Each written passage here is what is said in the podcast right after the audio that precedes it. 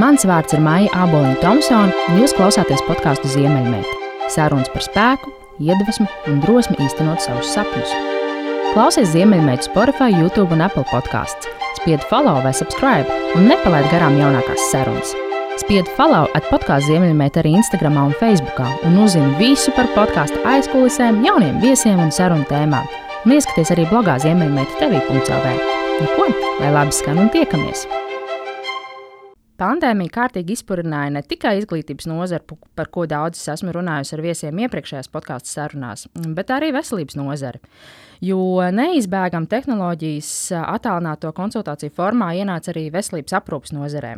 Un ziniet, kas ir baigi ērti? Arī es ikdienā ar savu ģimenes ārstu varu būtībā komunicēt tikai caur WhatsApp. Bērnam klepus, īzī nosūta video, un diagnoze ar ārstēšanās plānu pēc desmit minūtēm ir man rokā. Un es esmu pārliecināta, ka mēs nu, taču neatteiksimies no šīs ērtības un priekšrocības, un uh, tehnoloģijas tikai turpinās pārveidot medicīnas nozari. Kāda ir tehnoloģija loma, lai nodrošinātu vienlīdzīgu veselības aprūpas pieejamību un kvalitāti? Un vai tehnoloģijas patiešām var palīdzēt veselības aprūpi padarīt taisnīgāku, godīgāku, pieejamāku visiem? Un cik mēs Latvijā esam atvērti un gatavi digitālajai veselības aprūpei? Un kādi ir galvenie mūsu aizspriedumi? Par to es šodien runāšu ar vienu no digitālās medicīnas cēlonlaužiem, kurš, starp citu, sevi kā ļoti talantīgu uzņēmēju spilgti apliecinājis arī finanšu nozarē.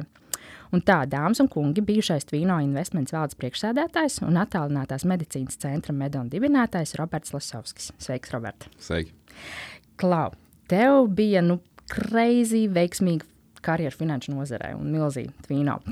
Kā tas nāks, ka tu no tādas, nu, pateicoties filmu industrijai, es pat teiktu, seksīgas nozars, ņemot vērā visas DiCaprio filmas ar Wolf of the Wall Street un tā tālāk.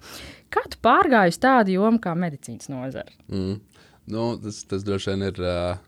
Specifiski tāda pārējai, bet uh, tas, kas man varbūt kaut kādā mērā uzrunā, tie visā, ka viņas abas ir lielas nozares, kur tu vari radīt uh, nu, diezgan daudz pievienoto vērtību. Jā, dara daudz tajā nozarē, un uh, tā finanšu nozara vienmēr bijusi tāda vairāk kā uh, sirds lietas, teikt, jo no pašas bērnības vienmēr patīk matemātika, man patīk ekonomika. Kad bija maziņš, teica, ka būs banķieris. Nu, es ne, nebiju banķieris beigās. Nu, man... diezgan tuvu. nu, jā, bet es laikam saprotu, ka man varbūt tā banka nozara nav, nav tik, varbūt sirdī tuvu, bet nu, nekad nevar zināt dzīvē. Un, uh, nu, jā, un tad es visu laiku gāju mērķiecīgi to finanšu pusi, un uh, es mācījos par finansistu, pēc tam es meklēju darbu jau tajā virzienā, un tā arī tajā nozarē principā visu laiku bija uh, pēdējos, nu, tur nezinu, principā desmit gadus droši vien no tās savas karjeras sākuma. Uh, un tad es uh, izdomāju, ka ir kaut kas jāmaina. Diezgan radikāli. bet, nu, jā, nu, tas notika. Nu, es teiktu, ka tas ļoti saistīts ar to, kas ir viss saistīts pēdējā laikā ap Covid. Uh, nu, jo arī tajā laikā, kad sākās tā tad, nu, pandēmija un uh, pamainīja būtiski cilvēkiem dzīves, tad arī nu, principā, pašā tajā sākuma posmā, teiktu, kas bija 20. gada mārts, uh, mēs sievai aizbraucām uz tādu lauku vasarnīcas teritoriju, un tur mēs nu, distancējāmies principā, no, no, no cilvēkiem, jo sākumā, protams, tā panika bija liela. Nu, īstenībā nezināja, ko darīt. Mm. Tad, nu, atskatoties tagad, tie skaitļi, protams, ir milzīgi. Tad viņi bija nelieli, bet uh, tā neziņa bija, bija pilnīgi citādāka. Un uh, tad mēs bijām dzīvojamies tur, un uh, vienreiz skrienot, klausoties uh, podkāstu, nevis šo, bet citu, uh, dzirdēju sarunu, kur uh, viņi runāja par telemedicīnu, telemedicīnu jeb uh, attālinātām konsultācijām. Man likās super interesanti. Un, uh, tad es sāku pētīt, nu, vai mums kaut kas tāds ir. Un kaut kas bija, bet man liekas, ka uh, nu, varētu daudz labāk.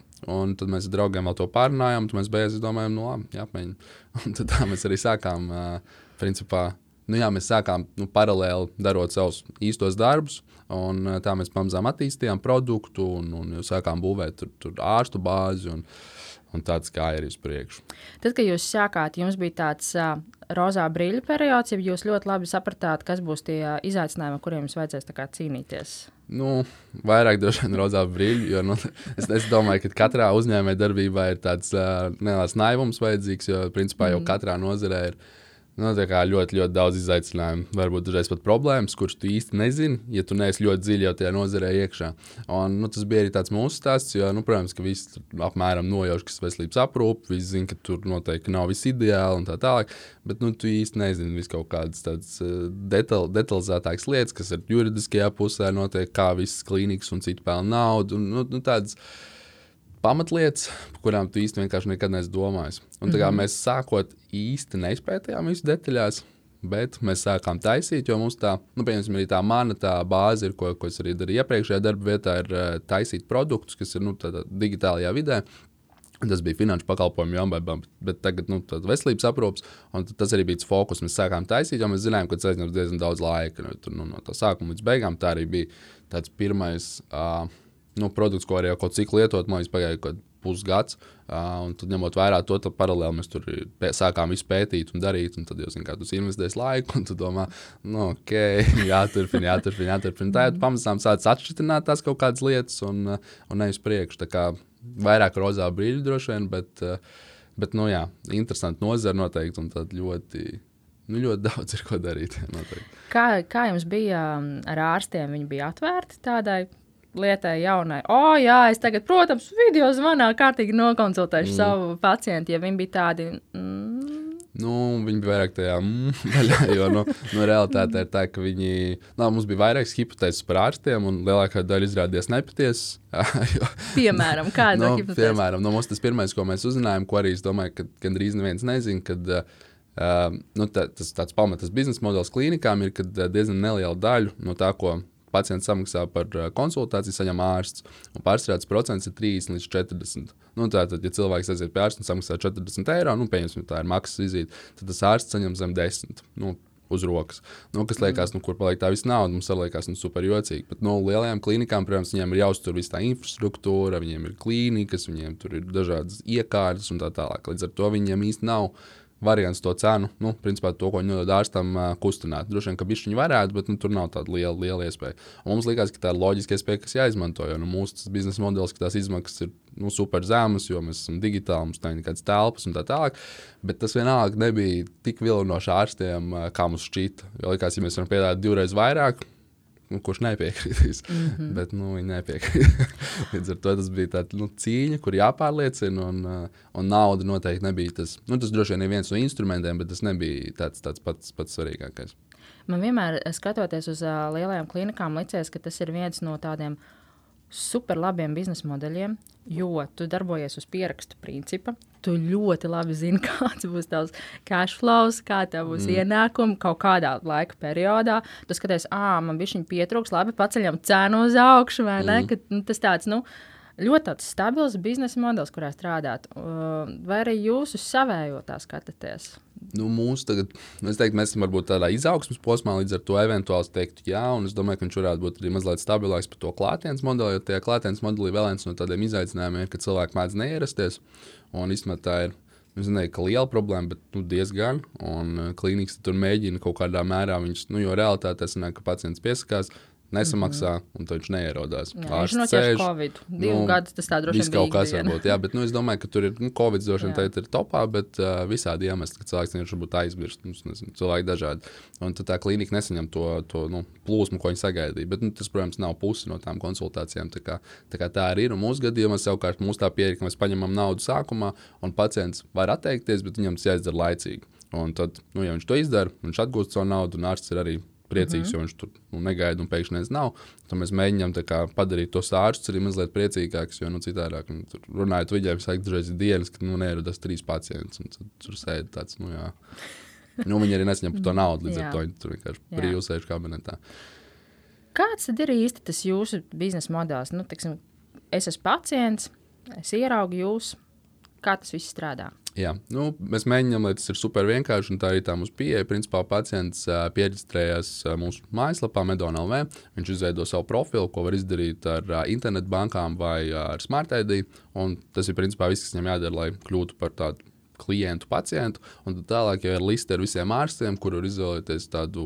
Nu, principā pārsvarā tas būtu vienkārši mērķiecīgi iet uz vajadzīgo specializāciju, un tad jau uh, izvēloties to ārstu, veids apmaksu. Uh, tad, kad ir samaksāts, var arī aizpildīt tādu īsu formiņu par to, kas ir noticis, kādi ir simptomi vai kādas alerģijas, un pievienot arī uh, dokumentus, kas ir būt kādi izmeklējumi un tā tālāk no pagātnes. Un tad jau jāgaida tikai tas laiks, kad būs pat vizīte. Un, nu, savukārt ar ārstiem tā, tā, tā nu, parastā, parastākais modelis, ka viņi strādā pie mums kā darbinieki, mēs noslēdzam darba līgumu, uh, un tad mēs uz ikmēneša bāzes viņiem maksājam. Un tas, cik viņi saņem, ir līdz 90% no tās uh, vizītes cenas, kas nu, tur divas līdz trīs reizes vairāk nekā klātienē. Bet nu, mēs to varam nodrošināt tikai tāpēc, ka mums nu, nav nekādas gandrīz izmaksas, izņemot uh, ārsta atalgojumu, nu, protams, kaut kādas vēl citas pozīcijas. Bet nu, šobrīd mēs mēģinām viņus tur motivēt maksimāli, cik varētu, lai tiem ārstiem ir tā interese un lai tas tāds līdzsvars ir nu, teiksim, godīgāks droši vien par to.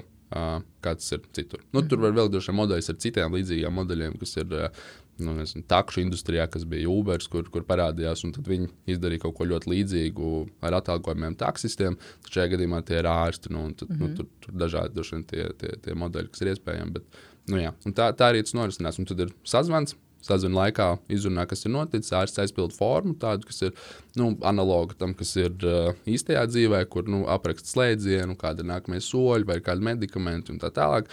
Un tad noslēdzās arī vizīte. Mm -hmm. Pacients pēc tam redz visu savu arī profilā. Tad būtībā ir tā, ka jūs esat tā tāds savedējs, starposms starp pacientu mm. un ārstu. Jūs viņus saliekat kopā, fiziski nekas nekur nenotiek. Un uh, tas sazvans, tas notiek tā kā pacientam ir ērtāk caur WhatsApp, caur FaceTime? Nē, viss notiek ir... mūsu platformā, tur. viss notiek nu, konkrētajā portālā. Principā, jā. Jā, pacients un ārsts abi autorizējās un katram savs konts. Un tad arī tur notiek tā, tā sazvanīšanās. Mm -hmm. Tādējādi, nu, protams, ir iespējams sazināties ar WhatsApp un Zoom, bet uh, tomēr mēs nodrošinām nu, visu to tādu pilno ciklu, kad ārstam nav tas neveiklais brīdis, kur jāprasa nauda. Nu, jo pacients jau ir samaksājis, ārstam nav jāsūta nekāda dokumenta ar WhatsApp vai e-pastu, vai es nezinu, ar kurien.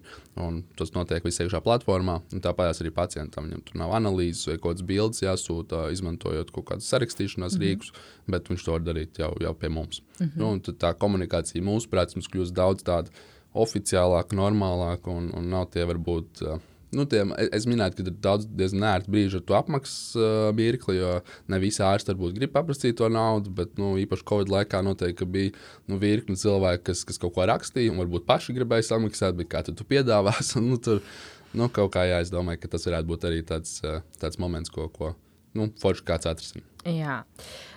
Kā ir no pacienta puses, nav tā, ka pirmo reizi liekas, nu, kā es tagad attālinātu, man ir salauzta roka, vai, vai man tur ir lūdzu, nu, kā viņš man tagad mm. attālināt, tur manas pumpas paskatīsies no Jā. sērijas. Um, kas ir plus un mīnus šāda veida sarunai starp ārstu un pacientu? Jo, nu, tu vienmēr, kad tu ej pie ārsta, pieņem, viņš mani pārbaudīs, viņam varēšu parādīt to savu sāpošo vietu, attālināt, nu, kā tas tagad notiks. Mm. Nu, jā, nu, tur, es teiktu, ka. Uh, mūsuprāt, vismaz vairums, un ir jau vairāk arī pētījumi, kas pierāda, ka vairums konsultāciju var darīt attālināti, bet ir, protams, tādas specializācijas, kur nu, tas vispār nav iespējams. Un, uh, tas vispār nav iespējams, jo šī arī ir tāds ļoti stiepjams jēdziens, jo tas ir atkarīgs no katras tās puses kreativitātes un komforta. Jo bieži mēs dzirdam, nu, piemēram, analogas specializācijas uh, ārsti, kas saka, ka tas nav iespējams. Un otrs saka, jā, es jau konsultēju tur arī pirms Covid, un tur viss, viss normāli notiek. Tas ir tāds vairāk, ka nu, jā, nu, ka, katram individuāli jājūt, vai viņš jūtas komfortabli un var vispār pacientu konsultēt, kas būtu ārsta pusē. Un tad savukārt pacientu pusē nu, arī ļoti līdzīgi. Nu, ja tu īsti netici tam, ka tas var strādāt, tad, nu, protams, kad, uh, būs sarežģīta konsultācija. Mm -hmm. Bet tāpēc es domāju, ka katram jāapmēģina, jo citādi tu īsti nu, jā, tu īstenībā nevari saprast, vai tas ir priekš tevīm vai tas nav priekš tevīm. Un, nu, tas mūsuprāt, vislielākais plus būtu, ka tā vienkārši pieejamība.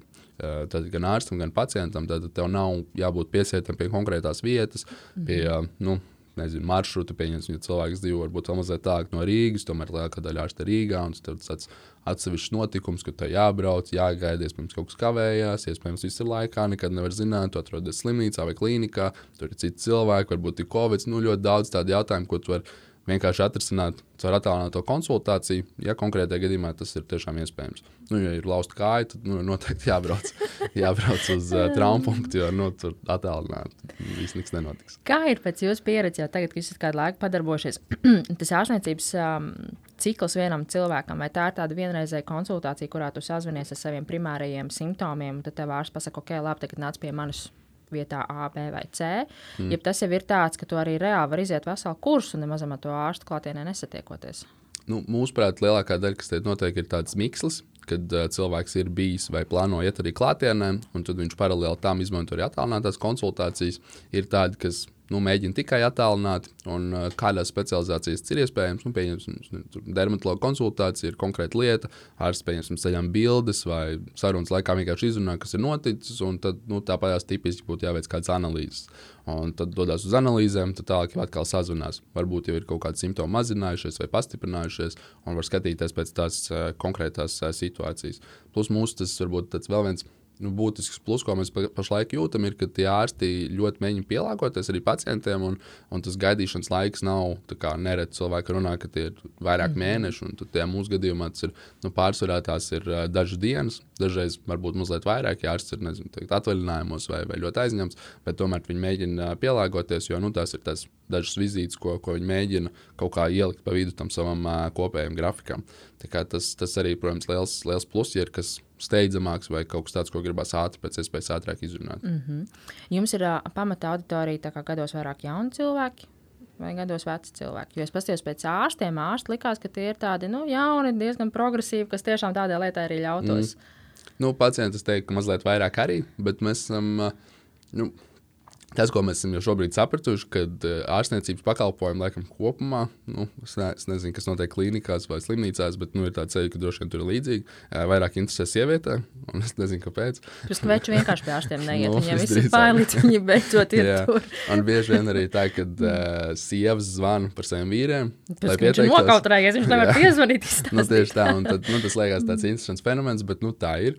Un uh, ar to mēs saskaramies, tāpēc nu, tas ir kaut kas tāds, ko mēs jau tagad redzam. Un par to vecumu es teiktu, ka uh, nu, vidēji varbūt mazliet jaunāki. Nu, tie būtu droši vien 30, 40 gadi, bet uh, diezgan daudz ir arī vecumā no 40 līdz 60. Ir arī bijuši, ja godīgi, mums liekas, vecākais bija 80 kaut kādi gadi. Bet mēs taisījām tādu akciju, kur uh, akcijas ietverā mēs sadarbojamies ar Sirds LV, tādu biedrību, un tur bija mm -hmm. sirds mazspējas dienas. Mēs dāvinājām 30 bezmaksas konsultācijas, kur cilvēki varēja pieteikties un runāt ar kardiologiem. Bet tas bija vairāk jau ar cilvēkiem, kuriem nu, tiešām ir aizdomas par kādu saslimšanu. Nu, mēs viņus prioritizējām, teiksim, mm -hmm. tā. Bet, uh, bet, nu, jā, tur nodrošinot tās konsultācijas, tad nu, mēs tiešām redzējām, ka arī vecāki cilvēki kaut kā var kaut kā viņi tur tiek galā. Un dažreiz tie ir mazbērni, kas palīdz vai bērni, jo, nu, protams, tur ir tāds stress. Komanda. Bet nu, dienas beigās viņi tika galā, viņi izrunāja, kas ir noticis. Un nebija, nu, principā, neviena nu, neviena cilvēka nebija atsauksme, ka bija nu, jocīgi, ka tas nenotika klātienē. Jo nu, es, es domāju, ka viņi būtu jau bija sagatavojušies, kas būs attālināts un arī spēja izrunāt tos, tos jautājumus, kas, kas bija. Tā kā, nu, tā, tādā ziņā tas novērojams ir, ka varbūt nu, droši vien jebkāds cilvēks, ja mazliet vecāks, varbūt tur pirmie reizē vajag vēl kādu palīdzību, bet pēc tam jau nu, mēs mm -hmm. mēģinām to risinājumu uztaisīt tik vienkārši, lai viņš būtu jebkuram principā pieejams. Es skatījos, jums mājaslapā bija tāds kā uh, novēlējums, tā var teikt, uh, pacientam, nu, te ņemiet līdzi visu to, kas jums tur ir, kam ir jābūt digitālam formātā. Un es bieži vien aizdomājos par to, ka reāli jau es ļoti gribētu, lai mana medicīniskā vēsture jau no mazām dienām līdz šodienai man būtu digitāli pieejama. Es mm. aizēju mm. savā profilā, es tur sērfoju visu, ko parasti man ir tā, ka man mājās ir papīra gauds, un tagad nu, es tagad to mēģinu visu kaut ko atrast, tur recepts un analīzes un vēl visu kaut ko. Un tas ir tāds um, biznesa modelis, kas patiesībā man liekas, ka savā ziņā prasa cilvēkiem mainīt savus paradumus. Mm. Kad tev ir jāpieskata un uzreiz jā, jādigitalizē tava slimības vēsture un katras lietas, ko tu saņem, kas it kā jau ir, tu no gulbi jau arī saņem tās analīzes uh, digitāli, mm. bet tu viņas nenoliec vienā vietā un ka gribētos, lai tev visi forši pilnīgi vienā vietā un lai tev jebkurš ārsts var pieslēgties tam profilam un viņu redzēt. Mm.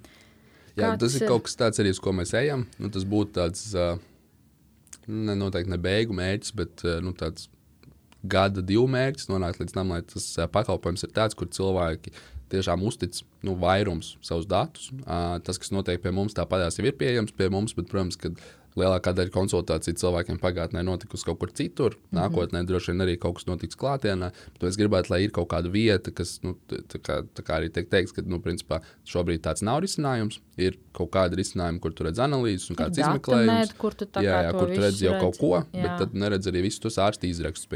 Tad, nu, nu, nav šobrīd tāds risinājums, un tur mēs arī mazliet sadarbībā ar, ar valsts pusi, ka mēģinām, un tur nu, šobrīd ir vairākas iniciatīvas notiek no viņiem, kur uh, mēģinās digitalizēt dažādus procesus, jo nu, iepriekš mums bija e-veselība, kas droši vien nesanāca tik labi, cik gribētos.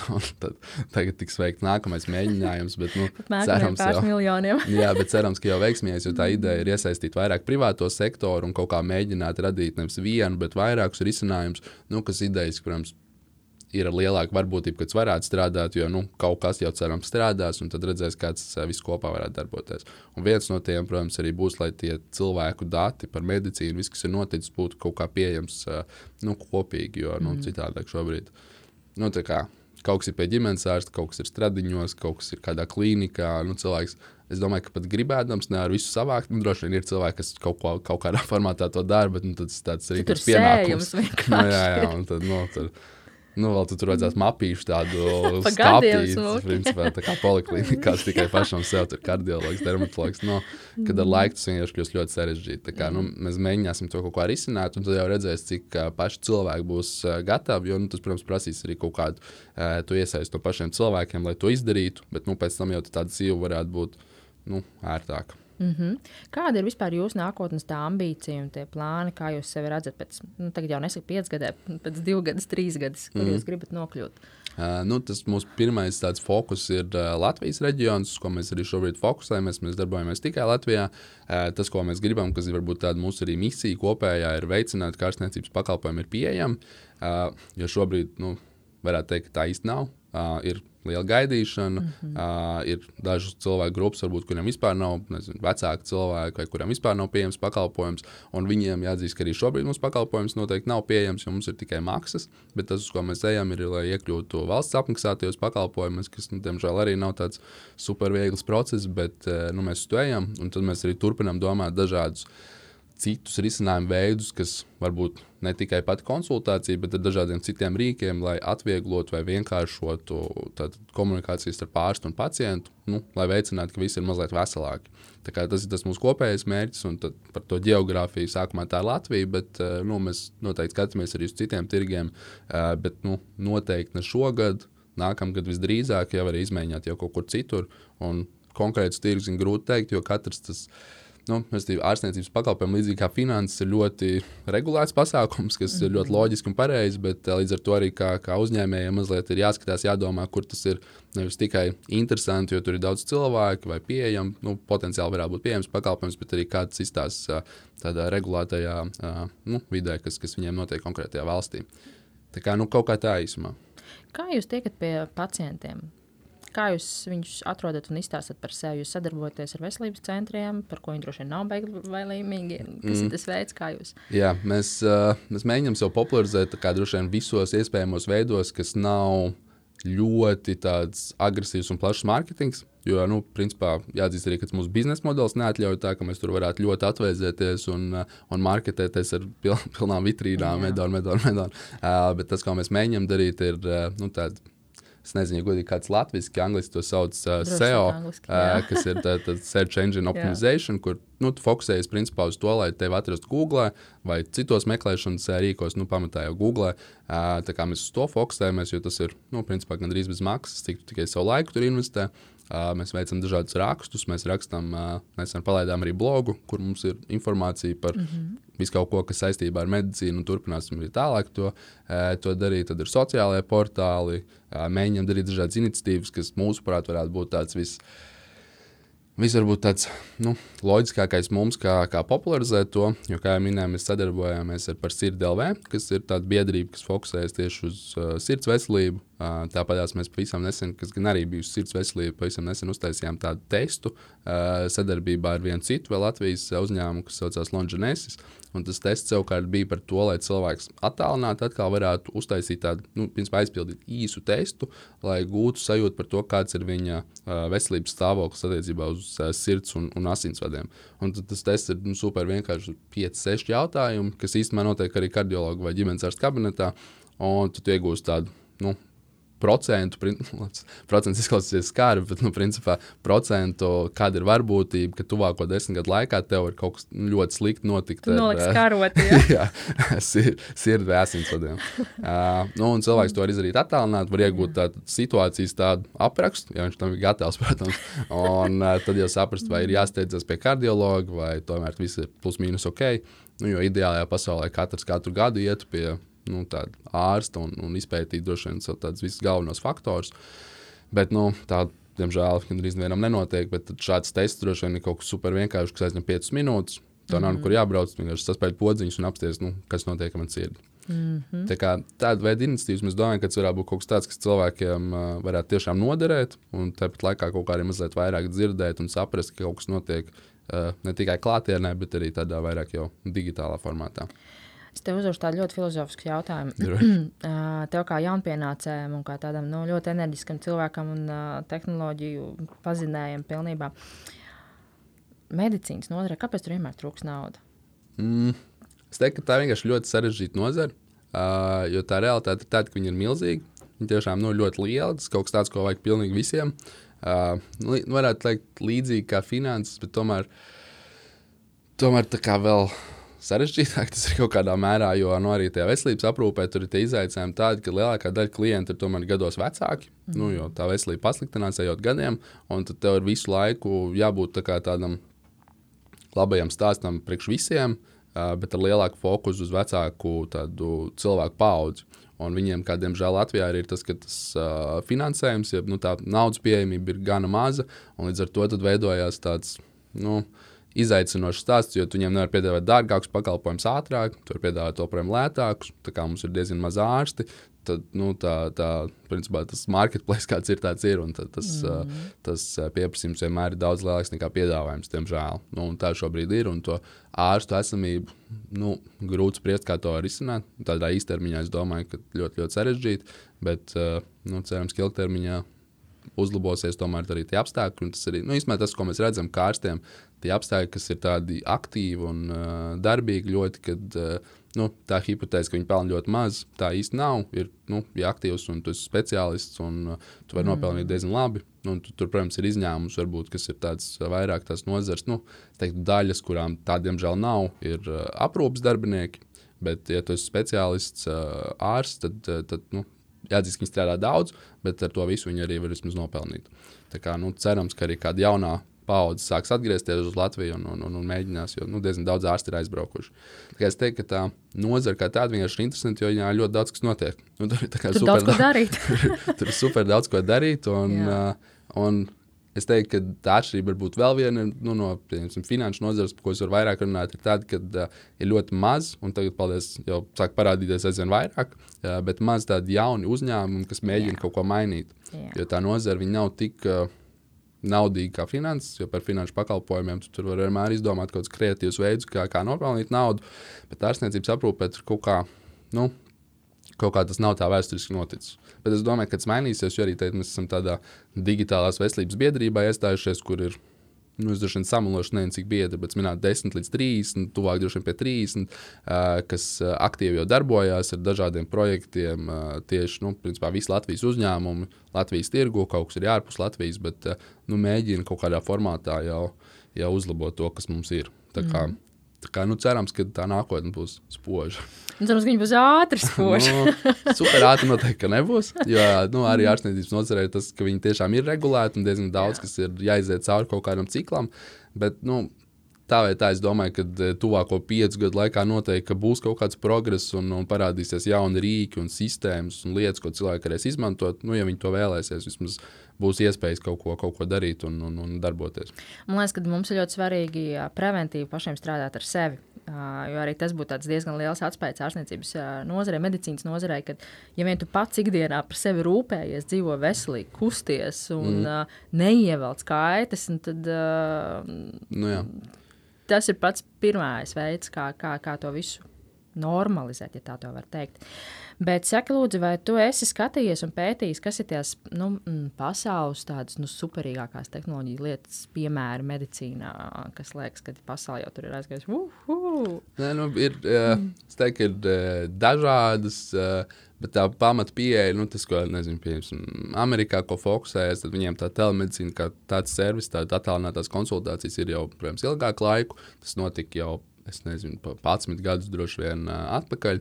Un kaut kādā formātā bija pieejams, protams, notika Covid, un tas būtiski palielināja to popularitāti. Un tur, man liekas, bija dati, kad jau vairāk kā 50% vai 60% cilvēku Amerikā ir izmantojuši, nu, kas sanāk nu, vairāk kā 100 miljonu cilvēku, kas ir ļoti daudz.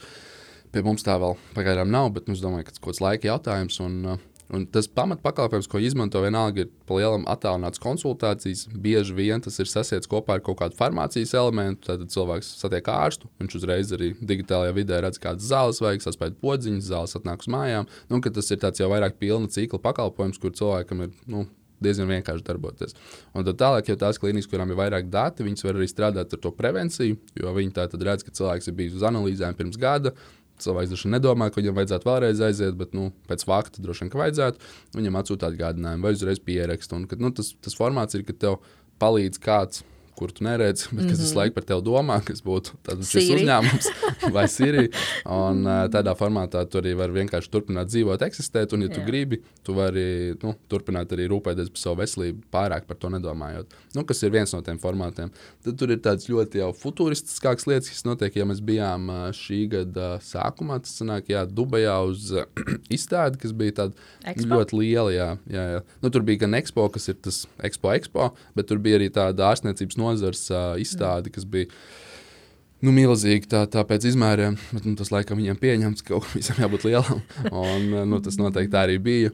Tur, tur, nu, tur bija dažādas. Tur bija tāds, arī tādas arhaiskākas lietas, uh, vienkārši dažādas gultas, uh, nu, kas ir slimnīcām nepieciešams, kas pacientiem nepieciešams. Un tad bija arī tāda tehnoloģija puse, kas bija jau tādā nu, nākamajā. Tur, ja Dubai laikam diezgan daudz ir gatavi investēt tajā visā attī, nu, jebkurā attīstībā, bet arī veselības aprūpē. Un tad tur bija pieņemsim tādas hologrammas ar, ar ārstiem. No. nu, kas liekas, es nezinu, kā, kāds ir tā pievienotā vērtība, bet nu, tas ir. Un, un viņi mēģina, to var. jā, jā, viņi to var. Un tad ir, nu, pieņemsim, ka kā virtuālajā vidē, nu, metaversā, kas te ir populārs jā. vārds, viņi tajā digitālajā metaversā arī iedod kā slimnīcas klīnikas, kur cilvēks tā tad var nevis vienkārši sazvanīties ar ārstu, bet nu, jau izmantot tur. Nu, Es nepamēģināju, es nezinu, bet izmantot tādu jau tādu atsevišķu pasauli, kur tu, kur tu darbojies tajā visā. Tā kā nu, tur, tur visādas idejas un viss kaut kas notiek, un milzīga mm. nauda arī tiek investēta. Tā kā nu, interesanti noteikti, un, un redzēs, kur tas ies. Un dienas beigās mums daudziem ir arī viedierīces, kādam tur pulkstenis, uh, gradzens vai kaut kā vienkārši telefons, kas tomēr arī principā visu laiku vāc kaut kādus datus. Un, nu, šobrīd viņš nu, izmanto gana maz. Bet uh, nākotnē noteikti tas potenciāls vēl vairāk attīstīsies tehnoloģijām, kad nu, kļūs mm -hmm. nu, daudz, daudz uh, vienkāršāk novērst varbūt kādas saslimšanas. Vismaz, tur, nu, jā. Šitā, starp citu, ir tā lieta, par ko ir ļoti daudz uh, diskusijas. Ir, un, uh, es arī nesen McKinsey and Company uh, lasīju tādu padziļinātu pārskatu par to, vai tās tehnoloģijas uh, medicīnā, kas ir tie plusi un kas ir tie mīnusi. Protams, tie plusi ir par to, ka medicīna kļūst pieejamāka jeb, jebkura veida cilvēkiem, vienalga, kurā vietā tu esi un kāda ir ienākuma. Mīnus bija tāds, ka šīs te tehnoloģijas padziļina šo uh, digital divide. Mm -hmm. Kad, ja tu esi tajā vidē, kurā ir maz attīstītas tehnoloģijas, kur tev ir nu, šis te zems internetu penetrācijas līmenis, mm -hmm. un tā, ka nu, tas tev tikai vēl dziļāk padziļina to tavu bezcerības stāvokli. Yeah. Kā tu to jūti, kāds mums Latvijā? Nu, Vai tas ir arī risks. Kaut kādā mērā es teiktu, ka jā, bet es domāju, ka tā ir vairāk īstermiņa lieta. Jo nu, tehnoloģijas kā tādas, viņas iet vienmēr uz to, ka viņas kļūst lētākas. Un, jo viņas kļūst populārākas, viņas kļūst pieejamākas. Kaut vai skatoties uz uh, viedierīcēm, kas ir nu, telefoni, uh, smartphone, kas ir nu, principā jau šobrīd nezinu, cik, bet, nu, super daudz cilvēkiem. Kādreiz Indijā pieņems, un tas bija kaut kas tāds neaizsniedzams. Tagad ir parādījušies, protams, piegādātāji ražotāji, kas ražo tos telefonus tik lētus, lai viņi derētu arī tirgiem, kur nu, vienkārši finansiālais stāvoklis ir citādāks. Un tur, tur Ķīna ļoti daudz telefonu ražo un nogādā arī Indijā. Tāpēc arī paši viņi uh, ražo tos telefonus, lai būtu savam tam konkrētiem tirgumam. Es domāju, ka kaut kas ļoti līdzīgs notiks arī veselības aprūpē, jo tas ir dažāds tirgus, kur uh, katrs cilvēks kurš ir, ir tavs potenciālais klients. Jo Nu, tā kā, nu, nezinu, tur un tu tirgo pulksteņus. Varbūt visiem nevajag pulksteņu, nepatīk pulksteņi, neinteresē pulksteņi, bet visiem ir veselība. Nu, kā, tu nevari no tā izvairīties. Tāpēc tā nozara ir tik liela un tur ir tik daudz, manuprāt, iespējas uh, nākotnē, kur, kur nu, vienkārši uzņēmējiem kā tādiem tā interese paliks tikai lielāka. Un nu, monetizēt jau kaut kā noteikti ar laiku to varēs. Diemžēl varbūt eh, mēdz būt tā, ka tie cilvēki, kuriem ir mazāk līdzekļi, kaut kādā mērā var tikt izmantot, jo nu, viņiem nav naudas, ko viņi var dot. Visdrīzāk kaut kādus datus par sevi. Bet dienas beigās, ja viņi tos datus dodot, varēs saņemt veselības aprūpi, tad viss vienalga ir ieguvēji. Un eventuāli, nu, attīstoties arī pasaulē, tad notiek, ka viņi kļūst aizvien uh, turīgāki un tad jau varēs pāriet tādā nākamajā etapā. Mm -hmm izmantojot iespēju, ka uh, tu esi ar superīgu pieredzi finansēs. Um, es tev nevaru nepaprasīt jautājumu, atejot no medicīnas. Pārējot uz šo finanšu jautājumu, kas mums arī šodien katru skar, inflācija un gaidāmā augstā ziema. Mm. Uh, kas ir tavi ieteikumi cilvēkam? Nu, kā tad uh, veidot savu labklājību? Kas varbūt būtu tie trīs pamatprincipi, kas mums būtu jāiemācās, lai mēs nodrošinātu sev šo drošības spilvenu? Mm -hmm. Uh, trīs. Okay. No, es, es sāku vienkārši ar piecus un sešus. jā, es sākšu ar varbūt tādu, nu, manuprāt, varbūt uh, lielāko pamatu, kas ir tāds. Uh, nu, vienkārši pieiet uh, mazliet analītiski tajā situācijā, jo bieži cilvēki ir ļoti impulsīvi un emocionāli ap naudu. Un tas arī ir vēl viens tāds temats, par ko cilvēki maz runā. Līdz ar to sanāk, beigās tā, ka tas ir kaut kas, atkal, kaut kas tāds, kas ir visiem nu, svarīgs. Kādam vairāk, kādam mazāk. Sievietes ir impulsīvas un emocionālas. Par džekiem es nezinu, bet nē, nē, nē, tā ir nu, dažādi piemēri. Nu, tur es, es, nu, pēc statistikas sievietes jā. pat krāja labāk nekā vīrieši. Oh, nu, tas nav, bet uh, tas impulss vairāk tāds, ka tu varbūt kaut kādā brīdī dzīves saskāries, ka tev nav naudas, tu pēkšņi ir kaut kāda nauda, domā, nu, ka es tērēšu. Tad, ja ir augsta inflācija, tu saproti, ka cilvēks stāsta, ka uh, naudas vērtība krītās, domā, nu, ka es tērēšu, gan jau paliks vēl sliktāk. Kad uh, cilvēkam ļoti viegli sev slēgt pārliecināt, ka labi ideja ir kaut ko iztērēt. Bet, Tāpēc, kad naudai patīkot, ka viņu liekot apritē. nu, jā, protams, naudai arī ir emocijas. Bet nu, tā realitāte ir tāda, ka nu, mans redzējums ir tāds, ka cilvēks vienmēr komfortablāk jutīsies, ja viņam būs tomēr kaut kāds drošības pilvens, un, un katrs to izvēlēties tikai sev nu, vai savai ģimenei. Un, nu, ir ļoti kaut kādā mērā naivi cerēt, ka kāds cits tev palīdzēs, ja būs rītīgi slikti. Nu, tas, ko mēs te droši vien redzēsim nākamajā ziemā, ir, ka nu, varētu būt ļoti slikti ņemot vērā, kādas būs uh, izmaksas par, uh, par apkuri, uh, elektrību un nu, vienkārši inflācijas dēļ par jebko. Un, uh, es nedomāju, ka tas ir veicinājis kaut kādā mērā, ka cilvēki tagad sākuši vairāk krāt. Ka viņi domā, ka okay, būs rītīgi slikti, es sākšu ļoti krāt. Droši vien ir kaut kāda cilvēka daļa, kas to dara, bet nu, vairums varētu būt, ka to nedara. Un, protams, ka būs arī kaut kāds valsts atbalsts, bet tas valsts atbalsts būs tāds. Viņš būs, bet uh, nu, viņš, viņš nu, neizglābs cilvēks no tā, ka tie rēķini būs lielāki. Mm. Nu, viņi būs būti, nu, būtiski lielāki, jo tagad jau tas ir zināms. Ja tur mm. pirms trīs mēnešiem varēja spekulēt, tad tagad ir nu, jau tādā faktu mm. līmenī, ka būs augsts rēķins, varbūt viņš būs vēl augstāks. Nu, kā, nu, tas ir kaut kas tāds, kas, manuprāt, ir pats svarīgākais, ka cilvēkam ir jāizveido kaut kāds nu, analītisks skats uz sevi.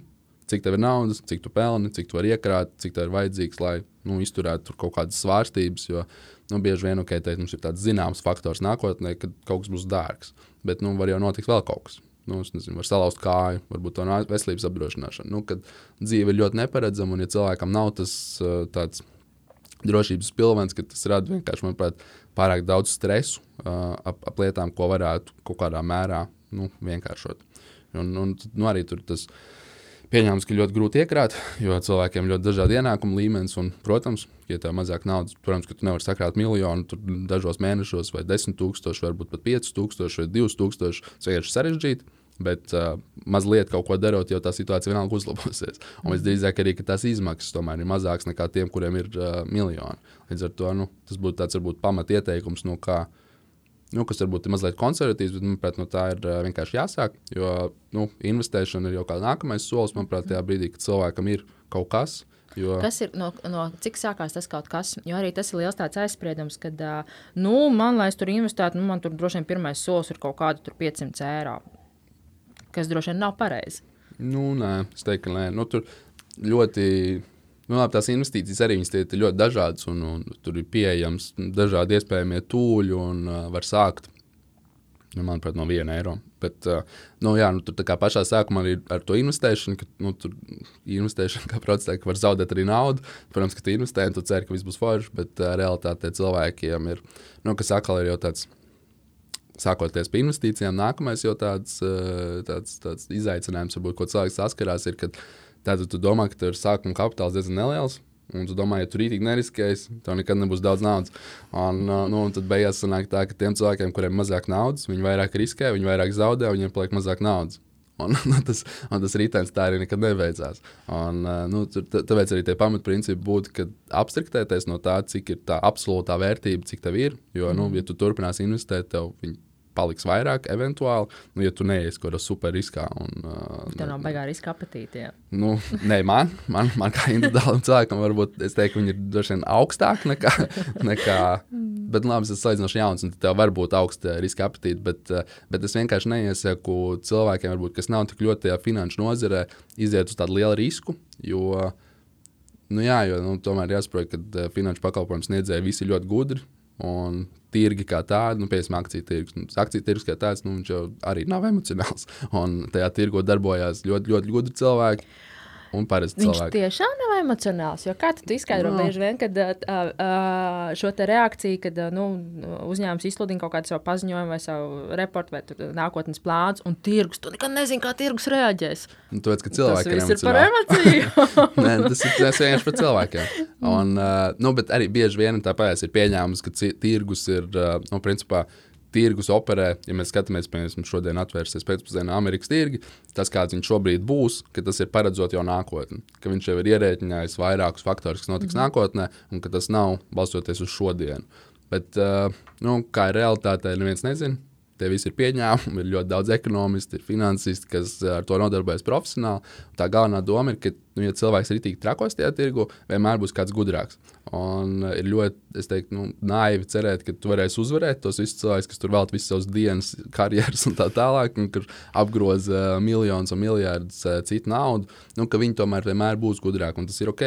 Bet tāpēc varbūt cilvēkiem vajag nu, sākt mierīgi, saprast, kas ir tas komforts. Jo, nu, kamēr nepamēģina, cilvēki arī bieži ir uh, tāds fenomens, kad uh, investēšana rada ļoti daudz stresa. Mm -hmm. Jo, uh, nu, es nezinu, cik, cik cilvēki mēģinājuši, cik klausītāji mēģinājuši, bet, nu, beigās, kad ieskaita savu naudu, tā tomēr tā nauda, un tu sākumā domā, ok, nu, labi, piemēram, 100 eiro, 200 eiro, nu, vienalga, cik katram tas komforts ir, lai iet, nu, pamēģināšu. Zaudēšu, zaudēšu, vinnēšu, vinnēšu ļoti forši. Bet tad, kad viņi sāk redzēt, ka tie cipari kustās, tad vairs nav tāds sajūta. Tad viņi visu dienu skatās telefonu un domā, kas nu būs. Un, eh, nu, tas ir ļoti, nu, jā, tas ļoti personīgi un nauda ir kaut kāda tempa, ko cilvēki tomēr. Ja viņi domā, ka viņi uztraucās, tad viņi pamēģina investēt, un viņi sapratīs, ka uh, tā īsti nav. mm. un, uh, tāpēc arī sākumā es teiktu, ka tā summa jābūt mazai, lai viņi nerada ļoti, ļoti lielu tādu stresu, jo viņi tāpat tās radīs. Un tas ir ok, tas noteikti tā mums pilnīgi visiem.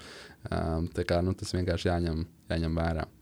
Kā tev šķiet, vai mēs Latvijā esam uh, gudri finanšu jomā, ja mums vēl ir daudz kur mācīties un kur pilnveidot mūsu izglītību par finansēm? Mm, nu, sākot varbūt to labo, es rakstīju arī, tas nav labais, bet uh, es rakstu arī blogu par uh, to, nu, principā par līdzīgu tēmu, par inflāciju, par uh, to, kas notiek Latvijā.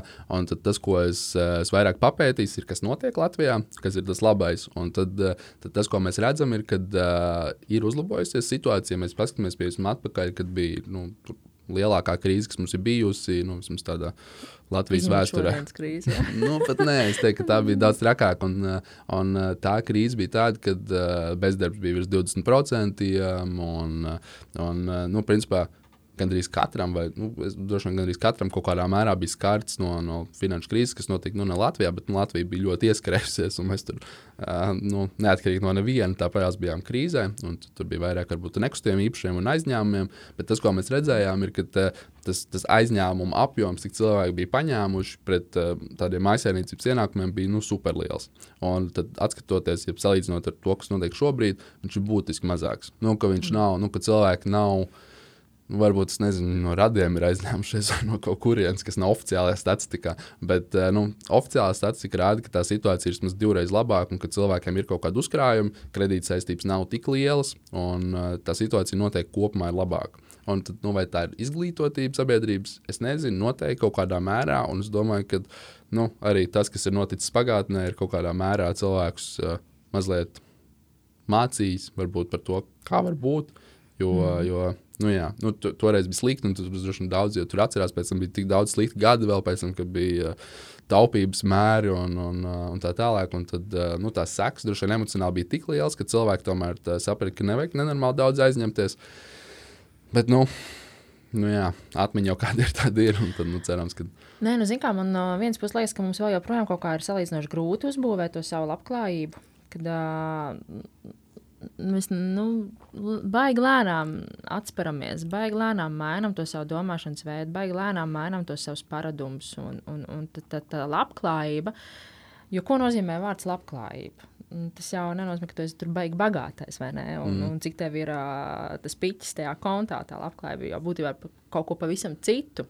Mm. Un, un, un, un kā tu to visu veido, un kad nu, arī mēs kā sabiedrība kopumā, nu, mēs cik strauji mēs augam tajā labklājībā un kam ir jānotiek, lai tas notiktu straujāk? Nu, es teiktu, ka pamatā mums vienkārši jābūt vairāk.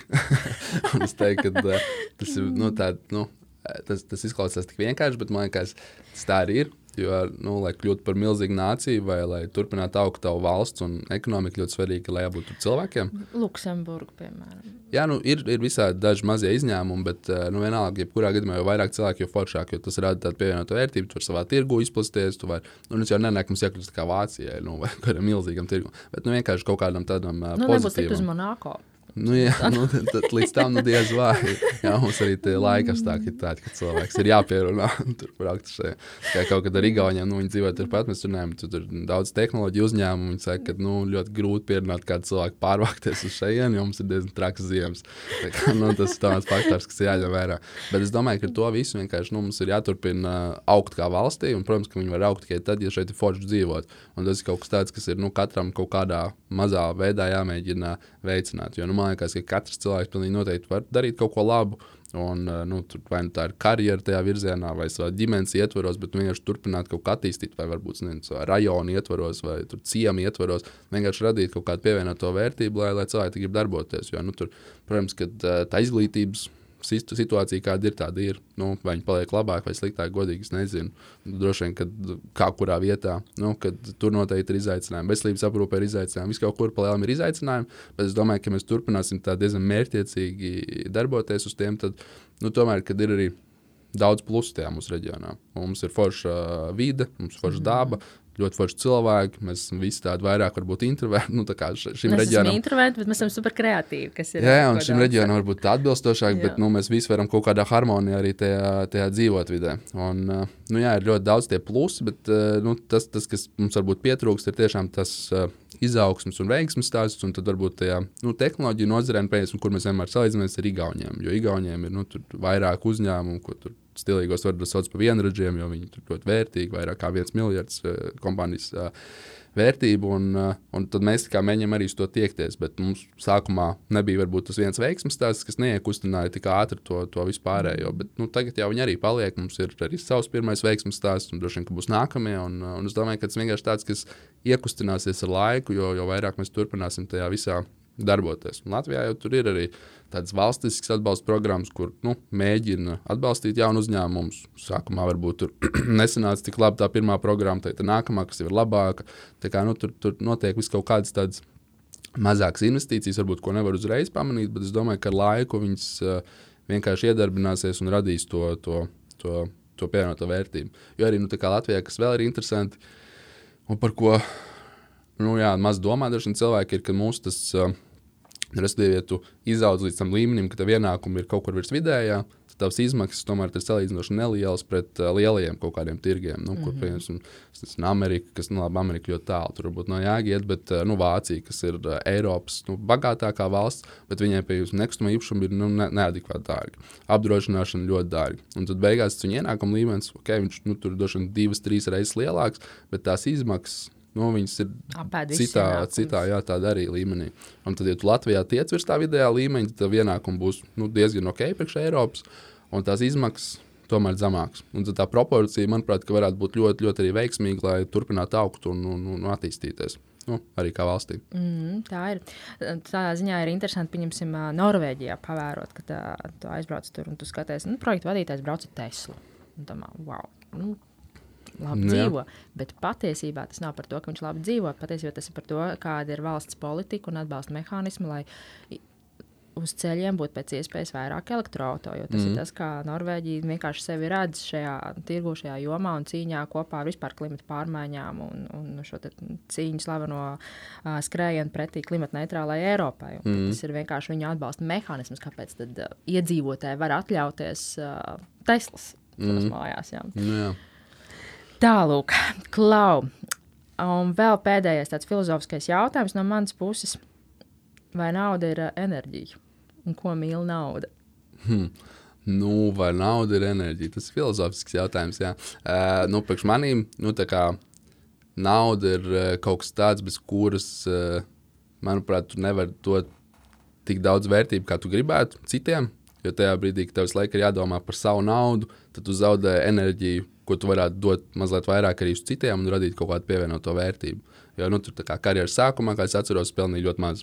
Un, tad, kad tu pelni ļoti maz, tu domā par lietām, kas ir nu, visu laiku ap tevi. Jo nu, tu tā kā domā, ka okay, tev vajag kaut ko uzkrāt, tu gribi kaut kur aizbraukt, tu gribi kaut ko padarīt, bet tu saproti, ka tev tā rocība ir nu, ļoti limitēta. Mm. Un tad dienas beigās nu, tu nevari sākt domāt par citiem, jo tu tā kā netiec ar sevi galā. Un tāpēc es domāju, ka nauda noteikti ir kaut kas tāds, kas katram ir vajadzīgs, lai tu varētu radīt nu, vērtību priekš citiem. Kā, tas ir kaut kāds tāds mans varbūt novērojums, kā mainās tā ikdiena, kad tev ir kaut kāda nauda, vai tev nav naudas. Un, nu, tur, protams, tur laime vai kas. Nu, es ne, es nesā, neteiktu, ka nauda ir laime, bet nauda noteikti palīdz, lai tu esi mazliet uh, komfortablāks ap uh, dzīvi kopumā. Jo vienkārši tur mazāk par viņu uztraukties. Līdz brīdim, droši vien, kad tu kļūsi superbagāts, un tas rada nenormālu stresu. bet, nu, Atkal stresēt un Nu, nonākt droši, vienkārši. es domāju, ka jā, bet uh, ka tu esi varbūt tajā viduspunktā, ka tev ir kaut kāda nauda, tad tas nav pamats stresa tavā dzīvē, tu pietiek arī citas lietas, par ko domāt. Es domāju, ka tas ir tāds svīt uh, spots, kurā var operēt vis, vislabāk arī priekš sabiedrības un, un nu, priekš sevīm arī beigās. Nu, jā, tas tāds uh, labs tāds nobeigums sarunai, kur vienkārši mums katram jāatrod savs sweet spots, Jā, kas ir jāslēgo savām vajadzībām patiesībā. Jo, nu, jā, jā viennozīmīgi. Lielākas vajadzības, jo tev augstāk tas sweet spots iet. Nu, forši, nu, klau, tad beigās es tev uzdošu tikai, vairs, tikai savus tradicionālos ātros jautājumus, ko es uzdodu katram viesim. Tavs mīļākais ēdiens. Pīcis. Labi. Tavs pirmais skūpsts bija. Ja es gadi, Vienalga. okay. Latvijā. Labi, dara. um, dziesma, ko visbiežāk dungo pie sevis, kas visbiežāk skan tev playlistē. Nu, šobrīd žūžu lāču. Uh, tas ir uz palikšanu. Uh, lūdzu, turpini teikumu. Drosme ir. Hmm. Spēks. Drosmīgākā vai varbūt trakākā lieta, ko jebkad esi darījis. Mm, lēciens ar izplēdi. Kādreiz vēl darījis? Nu, gribētos. Ah. Bet nu, kaut kur citur. Jo nu, tas bija Latvijā, un ne, tas bija Lietuvā. Laikam, Lietuvā. Jā. Okay. Mīļākā filma. Hmm. Hmm. Klā, nu nav tāds īsti. Nenākas mums prātā. Nu, tas vismaz žanrs. Žanrs. Nu, man patīk tāds, nu labi, mēs izdarām žanru, man patīk tāds e, psiholoģiskās, thriller veidīgās. Man bija tāda filma, ko es jau ļoti sen redzēju, viņa sauc Seven. Uh, nu, tāda, nu, rītīgs thrillers. es, nē, es varētu ieteikt viņu ļoti, nu, mājas, ne, viņa no 90. varētu būt, varbūt agrīniem 2000. Uh, viņa tāds psiholoģisks thrillers, un tur mazliet tā kā izmeklētāji iesaistīti, tāds mazliet maniakāls okay. Ok. uh, džeks, bet uh, nu, ļoti interesanti, uh, tāds spriedzes uh, bagāts. Arī grāmatas ir, ja godīgi tajā virzienā patīk, kad ir uh, nu, kaut kāda tāda uh, liela aktivitāte varbūt tajā visā. Tā kā, jā, tas nav īsti žanrs.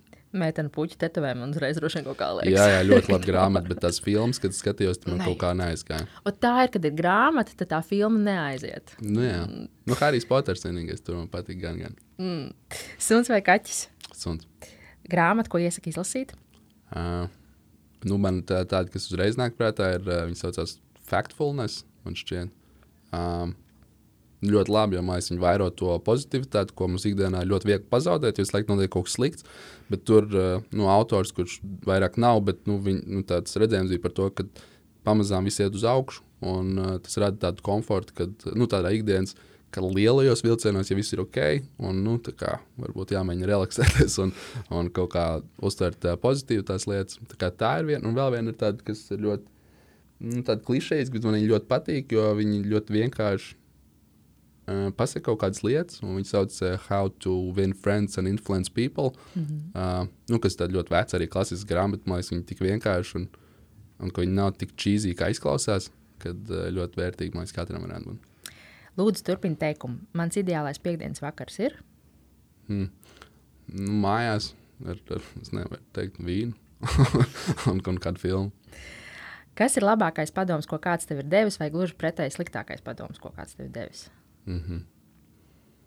Nu, labākais, es nevaru izmantot to leksiku. Uh, Nu, man patīk tā ideoloģija, ko, ko man teica, eh, es eju cīņas sportā, boxā, kickboxā. Tas treneris saka, ka uh, galvenais, nu, nu, ne, ne, bez sliktām vārdiem, galvenais ir nebaidīties. un, uh, nu, man liekas, ka tas ir ļoti svarīgi, jo bieži ir tā, ka tu kaut ko neizdari, tu par to domā. Man liekas, ka tas droši vien sliktākais, kas var būt. Mm -hmm. Labāk ir pamēģināt, es nezinu, katram droši vien dažādas situācijas, vai nu darbā tu jūties slikts savā lomā, tu gribas lielāku algu, vai nu, whatever, kas tu kuram tur notiek. Nu, vienkārši pamēģini. Nu, nesanāks, nesanāks, viņš viņa pabēdāsies, bet nu, tu būsi to izdarījis. Nevis pēc tam gadiem domās, bļāvis, tas neizmanto to iespēju. Nu, Tava mantra brīžiem, kad jāsaņemas. Nu, tāpat. Tāpat. un uh, personība, kuru ietu vakariņās, jebkura vēsturiska, okay. mūsdienu. Mm -hmm. nu, es droši vien ļoti gribētu aiziet ar, uh, vai klišejas, ar uh, Elonu Masku. Man liekas, ka tas ir Kanye West. Man liekas, ka viņi tādā ļoti citā lidojumā varētu Jā. būt. Tas varētu būt gan jocīgi, gan interesanti. Nu, kā, es nezinu, vai es spētu, es nezinu, vai viņiem patikt, vai es spētu viņiem kaut ko asociēt savā dzīvē. Bet uh, man liekas, ka tas varētu būt nu, interesanti paskatīties, kādi ir cilvēki tādā nepubliskajā vidē, kas ir ļoti publiski un uh, nu, jā, kādi viņi ir reāli cilvēki. Nu, forši, klausies. Paldies, tev, Mīša, šodien par sarunu. Paldies. Paldies tev par visām atziņām, un paldies, ko tu dari medicīnas jomā. Es reāli ceru, ka pēc pieciem, desmit gadiem mēs teiksim, uh, veselības aprūpe, tas ir superīgākā nozara vispār pasaulē, kāda mums vien ir. paldies tev. Paldies. Paldies, ka biji kopā ar mums. Ja tev patika šodienas podkāstu saruna, lūdzu, dalies ar to savos sociālos tīklos. Savukārt, ja tev ir ideja, kuru personību tu gribētu dzirdēt kādā no nākošajām podkāstu sarunām, raksti man Instagram vai Facebook atpodkāstu Ziemeļmeita. Un kas zina, varbūt šo personību mēs nointervēsim ar tevi kopā šeit pat ierakstu studijā. Kārlis Skalbers teica, pasaulē nav gala un debesīm nav malas. Īstā dzīve ir liela kā pasaule un augsta kā debesis. Dzīvosim īsti! Atām!